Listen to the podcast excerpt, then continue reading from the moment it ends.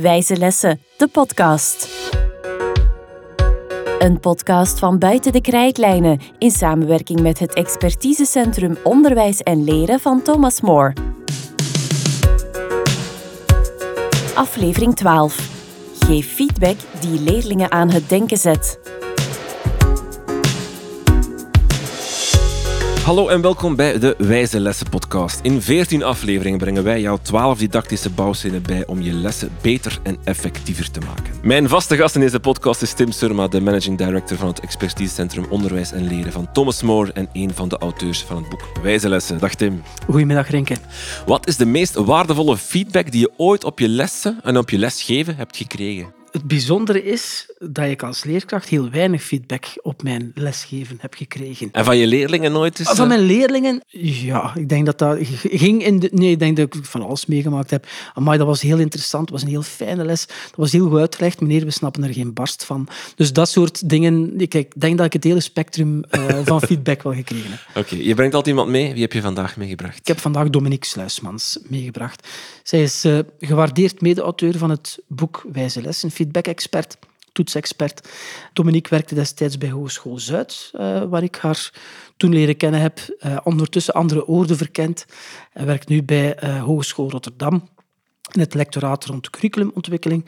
Maar ze is ook medeoprichter van het Toets van Toetsrevolutie, een collectief van experts rond, de naam zegt het zelf, toetsing. Dag Dominique. Goedemiddag. Ik heb me ooit eens door het, het werk van Hattie geworsteld, visible learning, de meta-analyses rond eh, wat, wat nu werkt bij leren. En ik weet nog dat een van de meest effectieve dingen dat bovenaan het lijstje stond, dat was feedback geven. Wat verstaan we onder feedback geven? Misschien moeten we gewoon beginnen met die term te duiden. Oeh, heb je een paar uurtjes, uh, Rink? ja, ik, ik, ik, denk dat het antwoord op die vraag um, ja, je alleen maar kunt beantwoorden als je een beetje weet vanuit welk paradigma van feedback je vertrekt. Ik vind het zelf heel fijn om te vertrekken vanuit het idee dat het gaat om ja, feedback in het licht van het werken naar zelfstandigheid. Dus hoe kan feedback bijdragen aan dat een leerling het straks zonder jou kan als docent? Ook wel transformatieve feedback genoemd. Hè? Dus echt die ja, letterlijk verandert van een beginner naar iemand die het uh, zelfstandig uh, kan. En als je het dan zo benadert, dan gaat het vooral om een ja, eigenlijk een didactisch proces waarin je die leerling van informatie en vervolgacties voorziet, die die leerling ook daadwerkelijk gebruikt om tot weer een nieuwe stap in het leerproces te komen. Dus voor mij in ieder geval is feedback iets dat vooral ligt ook bij wat de leerling daarmee doet, in plaats van alleen wat de docent aan de leerling biedt. Is dat continuum dat we hebben, namelijk van een cijfer geven tot bij wijze van een duim opsteken van goed of niet goed, tot uh, leerlingencontact waarin dat je de leerprestaties en, en het welbevinden van de leerling bespreekt en, en, en vertelt hoe jij het ziet? Um, dat zou kunnen. Kijk, een, een, een cijfer kan natuurlijk ook iets doen met een leerling. Of hem een paar meer in beweging brengen, al dan niet positief mm. of negatief. Dus ook hier weer, en daar hebben we bij andere bouwstenen denk ik ook al wat meer over gehad, begint het bij de vraag van wat wil je dat die feedback gaat doen in het licht van het doel dat je voor ogen hebt. Maar moet het expliciet zijn? Nou, ik vind het zelf wel heel mooi als geval de docent van tevoren weet waarom geef ik op dit moment deze vorm van feedback. Mm En dan ook gaat achterhalen van en heeft die feedback dan ook die beoogde werking gehad. En dat de leerling daar ook uh, transparantie in heeft gekregen.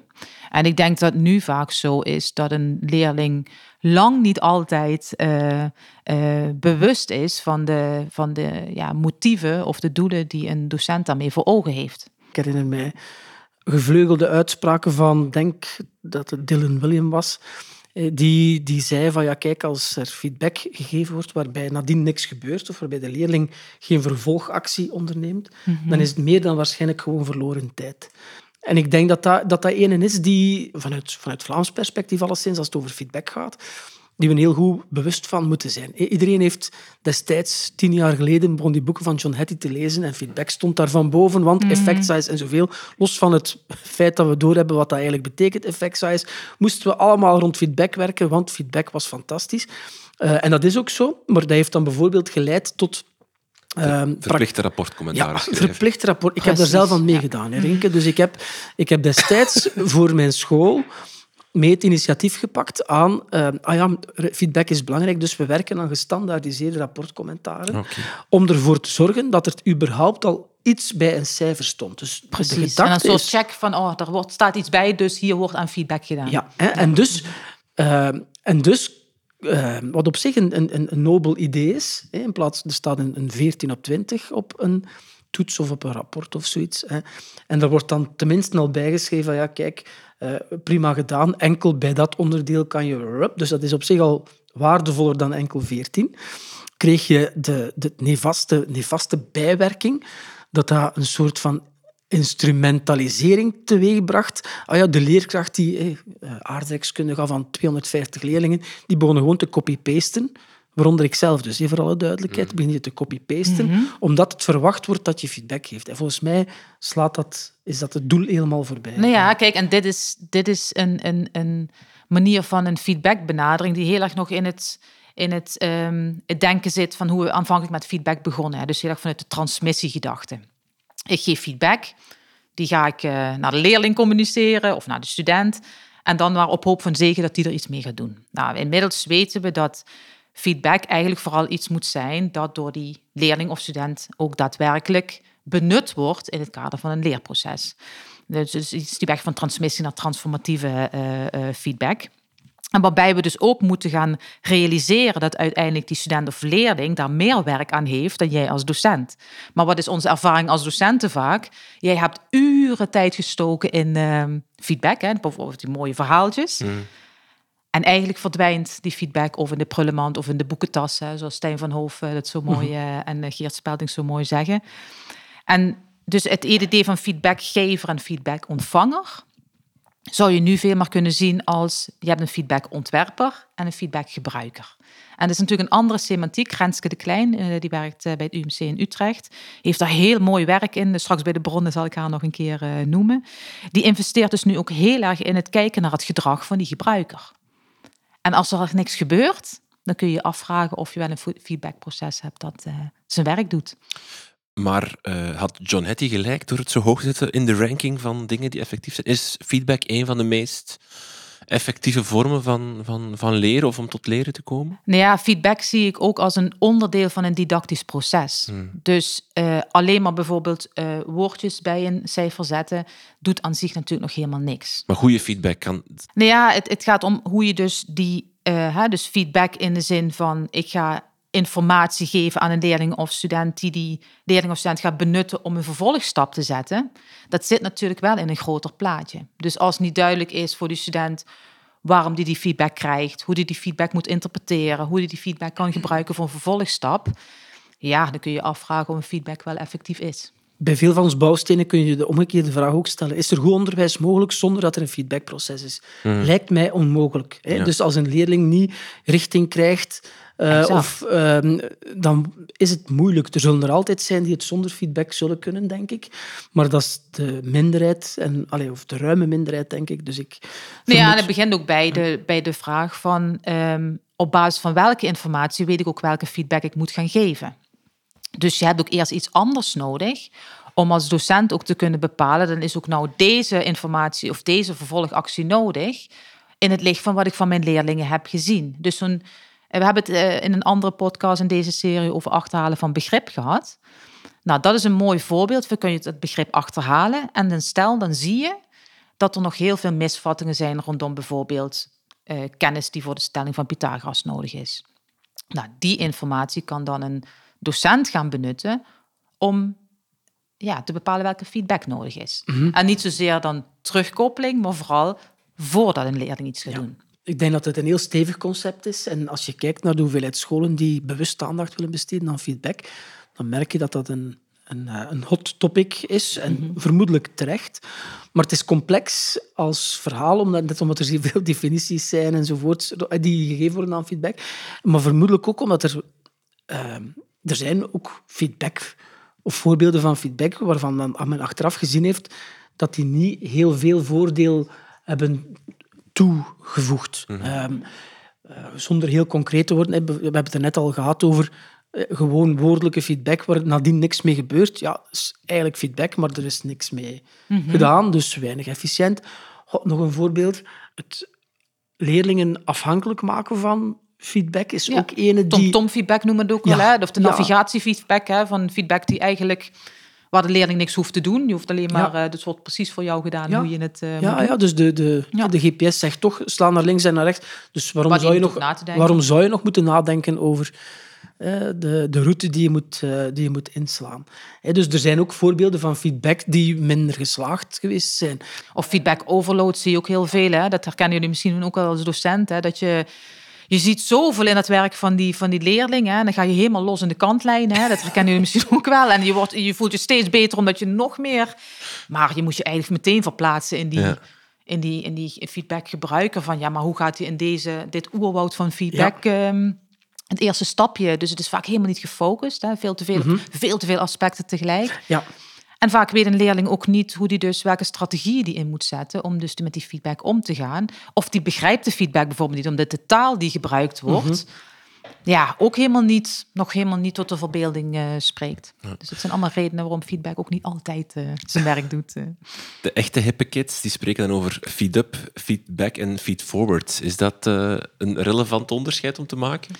Nou, Wat- ik moet je eerlijk wat bekennen dat ik die driedeling inmiddels heb verlaten. Ik vind hem weinig toevoegen aan, eh, aan het begrip eh, van, eh, van waar het bij feedback eh, om gaat.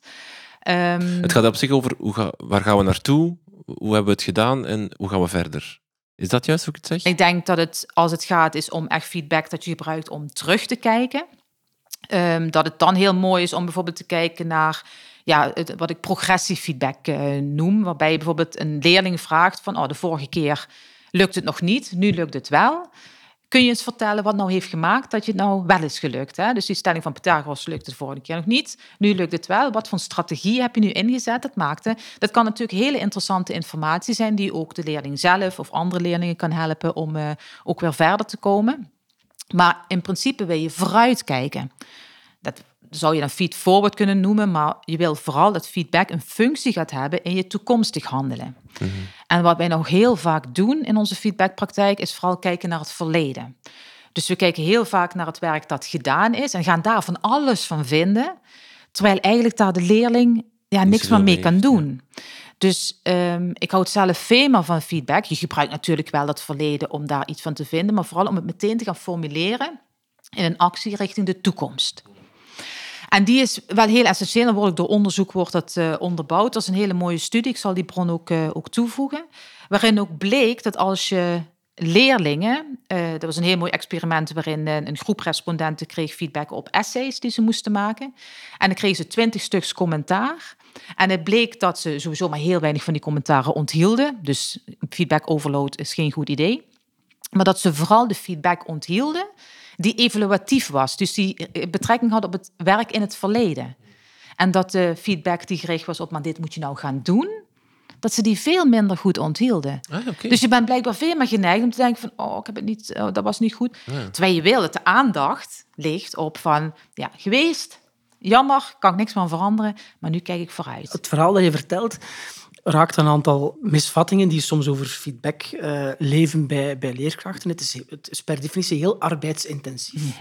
Wat er een heel leuk alternatief is, dat bij mijn weten uit het Verenigd Koninkrijk ontstaan is, is ehm, een tegenbeweging daartoe. Hè. Het, eh, het whole class feedback gebeuren. Ik weet niet zeker wat het Verenigd Koninkrijk eh, kwam. Ik denk het eigenlijk wel, omdat ze daar tot voor kort van leerkrachten verwacht werd dat ze dagelijks in schriften van leerlingen feedback gaven, omdat feedback belangrijk was. Men heeft toen ontdekt dat dat weinig zoden aan de dijk bracht. En toen zijn ze gaan denken, kijk, het alternatief is, er komt een pakket werk binnen van leerlingen. Bekijkt die gewoon met uw blik van kenner. En je gaat naartoe, dit loopt goed, dit loopt niet goed. Oké, en ik schrijf in totaal zes werkpunten voor de klas. Taak gaat terug. Hier en daar misschien iets omcirkeld bij iemand of zo. En de taak gaat terug naar de leerlingen. En dan zeg je, kijk, ik merk die zes vaak voorkomende problemen. Eh, de bedoeling is dat nu uw werkstuk beter wordt en dat je geen fouten meer maakt tegenover deze zes punten die ik nu met u bespreek. Hè. En dan heb je feedback die u veel minder tijd kost als leerkracht, want u gaat veel sneller door het werk. U zet leerlingen aan het werk. En het product Vooral aan het denken Aan ook. het denken. En het, de kans is ook reëel dat het toekomstige product dat je binnenkrijgt beter gaat zijn dan hetgeen dat je... Nou ja, en dat laatste is heel essentieel, want we vergeten dat eigenlijk als je feedback geeft, moet er ook een landingsplek zijn voor die feedback. En de landingsplek wordt heel vaak niet georganiseerd. We denken dat die leerling dat voor zichzelf organiseert, maar eigenlijk in een didactisch proces kun je uh, die landingsplek, uh, die moet je eigenlijk gaan creëren. Dus stel bij jou, hè, je hebt al die, uh, je hebt bijvoorbeeld een wiskundesom, je hebt een exit-ticket gegeven, bent allemaal door scannen en dan geef je klassikale feedback. Nou, ik zie dat dit al heel goed gaat, ik zie dat bij een aantal dit nog niet goed gaat en ik geef deze vier vervolgacties. Kies er één uit die voor jou betrekking is en ga er nu mee aan de slag. En dan geef je een vervolgopdracht, die dan ook meteen een kans geeft om te laten zien of je die feedback hebt kunnen gebruiken. En als dat dan niet gebeurt, heb je dus weer meteen informatie dat er misschien iets anders nodig is. Extra instructie of nog een keer een andere opdracht of meer, nou, noem het maar op. Dus feedback is gewoon een hele interessante manier om een, in een didactisch proces te verankeren. En niet als een soort losstaande activiteit te zien. Maar het geldt eigenlijk voor geen enkele... Het komt vaak op het einde van, van, een, van, een, van een cyclus bijvoorbeeld. Allee, niet van een cyclus, want dat kan niet, maar van een, van een proces. Hè. Een grote groep, een soms vergeten groep van leerkrachten, die dat vaak bewust of onbewust heel goed doen, zijn volgens mij praktijkleerkrachten. He, dus een praktijkleerkracht die bijvoorbeeld leert om, um, om, om metaalbewerking te doen. Mm -hmm. Ik denk niet dat er veel praktijkleerkrachten zijn die zeggen van ja, kijk, uh, tussentijds product de eerste lasbeweging die er gedaan is. Ah ja, jammer. Um, 7, op, uh, 7 op 20.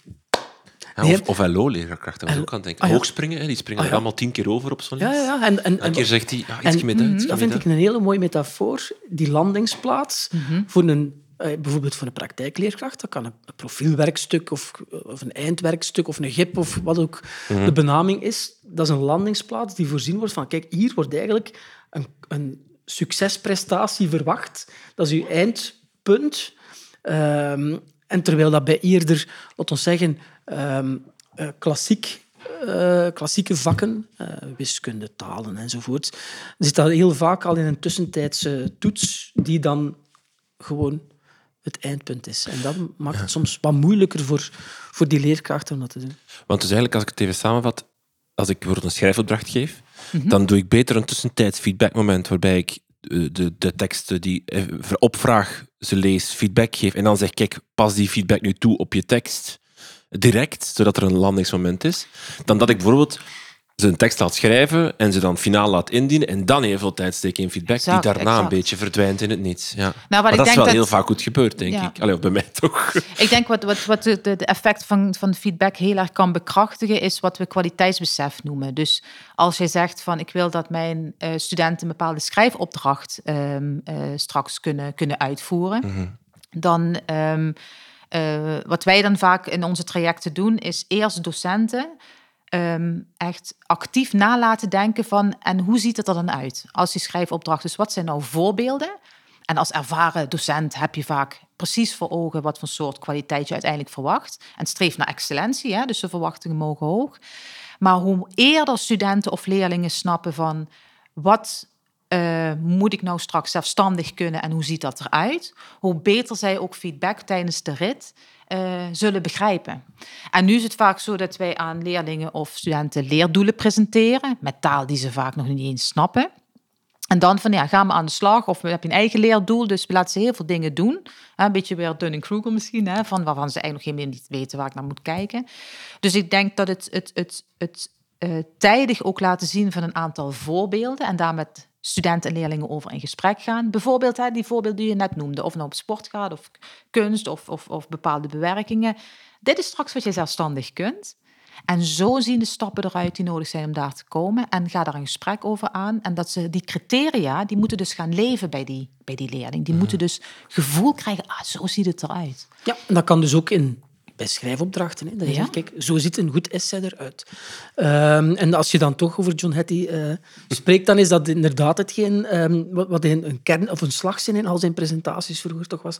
Show them what success looks like. Exact. is een uitspraak van uh, de man die mij alvast uh, stevig is bijgebleven. Moet feedback altijd snel komen? Ligt aan je doel. Kijk, het... Um het corrigerende, de directieve feedback, daar is de voorkeur van dat het snel komt. Omdat het vaak gericht is op um, routines die je moet leren of bepaalde kennis die je echt moet inslijten. Mm. Dus vaak is corrigerende directieve feedback heel erg belangrijk in het begin van expertiseontwikkeling, maar vooral om het ja, inslijten van een aantal um, kennisschema's of vaardigheden die belangrijk zijn om straks. Dus als het gaat om um, schrijfvaardigheid, is het belangrijk om daarna te denken van ja, wat is bijvoorbeeld voorkennis die je ervan vereist om überhaupt een start te kunnen maken met deze schrijfopdracht. Um, ja. Maar als het gaat echt om zelfstandige beheersing, dan moet je van het verbeteren voor de student naar het verbeteren van de student. Dus uiteindelijk is feedback moet er altijd op gericht zijn dat straks een leerling of student het zelf kan. En wat we nu vaak zien, is, en dat noemde jij al een beetje Tim, is dat een student of leerling toch nog heel lang afhankelijk blijft van de docent, maar de docent er ook zelf hard aan meewerkt door het toch vooral steeds voor die leerling of student te verbeteren. Mhm. En dat is ook het spannende aan feedbackprocessen. Want correctieve feedback, waar eigenlijk aan jou wordt gezegd van zo moet je het corrigeren, of hè, dat die leerling, aha, zo moet ik het doen. Ehm, dat levert over het algemeen weinig gezeur op bij leerlingen en studenten. En ze hebben zoiets van, ah ja, ik weet wat ik moet doen. Maar zodra je naar meer zelfstandigheid gaat, ja, dan krijg je wel gezeur. Mhm. Want dan is het van, ja nee, nu moet je het echt zelf gaan proberen. Dus ik moet niet alle dt-fouten aanduiden in de tekst, maar ik moet zeggen, er staan nog een aantal fouten tegen de spelling van het werkwoord in. Zoek ze. Stelregels, feedback moet de leerling aan het denken zetten. Het moet meer werk zijn voor de leerling dan voor jou als docent. En er moet een landingsplek zijn. Ja. Dat zijn echt hele belangrijke. En jij moet het dus niet verbeteren voor de student. Dan, dit is een manier uh, waarop je dat uh, kunt, uh, kunt doen. Stel je echt een leerling hebt die totaal keine aanhoeng heeft over die dt-regel. Je zegt er zitten vijf fouten in. Dat zijn bepaalde vormen van sadisme dan. Hè. Dus dan moet je mhm. eigenlijk zeggen van kijk, er zijn hier, hier heb ik er twee aangeduid om die en die reden. Of daar zondig je tegen die mhm. regel. Zoek er nu nog drie andere. Dan heb je eigenlijk een ondersteuning geboden ehm, die, er, die erbij hoort. En ik denk als ik Dominique zo hoor, hoe meer mensen bij de start van hun leerproces zitten, hoe logischer dat is dat je die bijsturing van die volwassenen toch nodig hebt. Uh, of van de medeleerling, als die er ook dat goed kan. Hè. Dus dat die, die bijsturing dan belangrijker is dan op het einde van een leerproces. Mm Dat je heel de feedbackdocumenten moet maken naar aanleiding van de laatste summatieve toets op een schooljaar. Dat daar kun je toch ook vragen naar zinvolheid bij, uh, bij stellen als er nadien niks gebeurt. Mhm. Ik geef hier een concreet voorbeeld. Als je een heel jaar, uh, een heel jaar gewerkt hebt rond een bepaalde... Uh, laat ons nu een schrijfvaardigheid noemen en die komt op een eindtoets terecht. Dat is dan de mhm. landingsplaats. dus eind juni, de vakantie wenkt. En dan nog ehm, zo'n groot document gaan opstellen waarbij dat je 15 raadgevingen doet waarvan je op voorhand weet dat er niks mee gebeurt, dan zitten we in de fase dat het zweet niet op de juiste rug staat, denk ik. Dan zegt dat cijfer misschien wel genoeg als feedback. Dan kan het cijfer misschien wel genoeg zeggen. Het is denk ik veel zinvoller om dan uh, op een volgend moment, wanneer dat er verbeterwerk nodig is, omdat je toevallig het jaar nadien uh, met dingen aan de slag, dan dit dan terug even actief op te halen enzovoort. Ja, en blijven nadenken waar jij als docent echt nodig bent in het feedbackproces en waar misschien je ook een andere feedbackbron kunt inzetten. Mm. Dus uh, klassikale feedback is een hele mooie manier om het werk van jezelf wat te verlichten, want vaak kun je die uh, klassikale feedbackformulieren ook hergebruiken. Hè? Want je weet vaak al van, nou, ik weet nou zeker dat in dit werk weer dit zal gebeuren of dat hier weer een vervolgactie op nodig is. Maar wat ook heel interessant is, dat je kunt nadenken over hoe kan ik ook leerlingen leren hun werk te vergelijken, bijvoorbeeld met een voorbeeld. Mhm. Of met het werk van iemand anders. Hè? Dus dat, je, dat, je ook, dat is ook een manier van feedback geven. Dat een leerling er zelf achter komt van nou, vergeleken met nou deze schrijfopdracht, zie ik nog dat ik gezien de criteria op deze en deze aspecten nog iets uh, uh, kan verbeteren. Dus mhm. het echte werk van jou als docent moet je eigenlijk zo lang mogelijk uitstellen tot misschien het laatste moment voor de toets. Dat je denkt van, nou ja, nu ga ik nog als docent echt nog even uh, nauwgezet die schrijfopdracht na. Maar tot die tijd zijn er heel veel andere manieren die uh, het eigenlijk voor jou veel efficiënter uh, houden. Het geven van feedback, um, je leest heel vaak niet op de persoon feedback geven. Dat klinkt heel logisch, maar is het iets waar we misschien wel nog te vaak in, in vervallen? Nou, ik denk dat er um, op verschillende niveaus informatie met leerlingen wordt gedeeld. Hè? Dus of op de taak die ze hebben gedaan, of de manier waarop ze die taak hebben aangepakt, of uh, inderdaad op een, op een bepaald gedragscomponent. En die kunnen allemaal in zichzelf natuurlijk best een functie hebben, maar je moet je bewust zijn dat het effect ervan heel verschillend kan zijn. Dus ook hier um, mensen onthouden van, oh ja, ik mag geen, geen feedback op de persoon geven. Terwijl ik denk van, nou, ga weer terug naar wat wil je nou eigenlijk uiteindelijk bereiken en welke vormen van feedback ja, passen op een bepaald moment daarin. En dan kan het best zijn dat soms het heel fijn is als een leerling hoort van, uh, hey, tof gedaan, prima. Maar het zal nooit volstaan om tot zelfstandige beheersing komen. en dat moeten we ons bewust zijn. Van dat echt voor zelfstandig leren fietsen, autorijden, metaalbewerking. Ja, dat dan met alleen maar tof gedaan. Dat, ja, dat, dat zal niet voldoende zijn. Rinke, dat is eigenlijk een heel mooi voorbeeld op, op een soort van metaniveau. Dus uh, hoe, hoe, onderzoek richting praktijk geraakt. Ja. Dus uh, John Hattie doet de indeling waarbij persoonsfeedback als de minst effectieve mm -hmm. uit zijn analyses naar voren komt dat wordt dan uiteindelijk doorvertaald naar uh, feedback op de persoon is de minst effectieve, tot uiteindelijk is niet goed, tot wanneer dat we eigenlijk ingelepeld worden in het feit, ah ja, we mogen niet meer zeggen, Marieke, je, echt, uh, je hebt echt topwerk geleverd, want dat zou dan minder effectief zijn, terwijl dat, dat soms ook belangrijk kan zijn voor de band die je gewoon hebt met je klas. Nog ultieme tips voor effectieve feedback?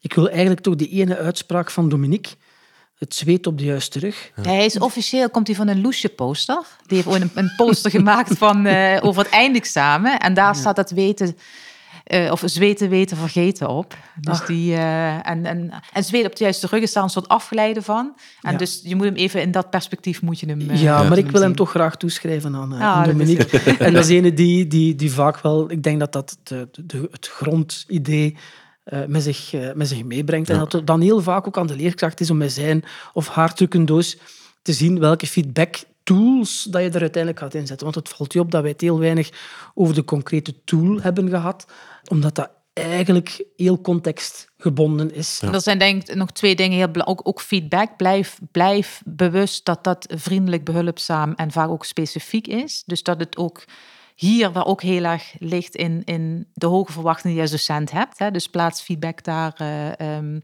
uh, daar ook in. En dat het uh, ja, uiteindelijk ja, iets is wat ook vooral ook in een, een groep ook um, ja, een, een goede uitwerking kan hebben. Dus het is heel belangrijk dat je studenten en leerlingen ook uitlegt waarom je op een bepaalde manier je feedbackpraktijk vormgeeft.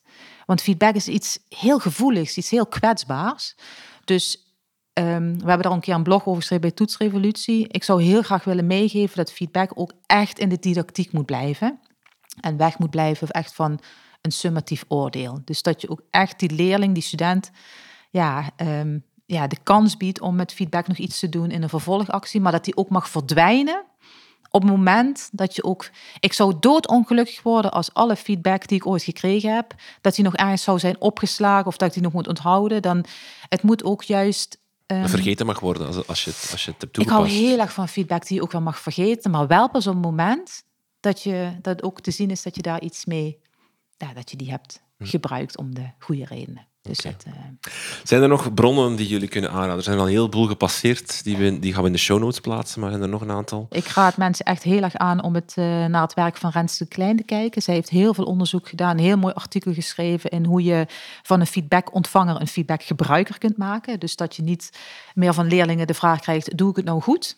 Maar dat een ander type vragen door de leerling worden gesteld. Dus dat uh, is wat mij betreft een van de meest ja, voor mij inspirerende bronnen om, uh, om de feedbackpraktijk in scholen verder te brengen. Ik verwijs ook misschien nog eens eenmaal naar de, de, werken van, eh, de vertaalde werken van Dylan William, die zeker ook niet slecht zijn. Het boek Formatief Handelen. Zeker. Dominique, uh, van jou en René en... Uh, Blanca, uh, Wilde Lopez en Valentina David, waarin we ook wat meer inzicht geven in die transformatieve feedback, maar ook hoe je zo'n feedbackproces kunt organiseren. Oké. Okay. Tim Dominique, heel veel dank. Wijze Lessen, een podcast van Buiten de Krijtlijnen in samenwerking met het expertisecentrum Onderwijs en Leren van Thomas More.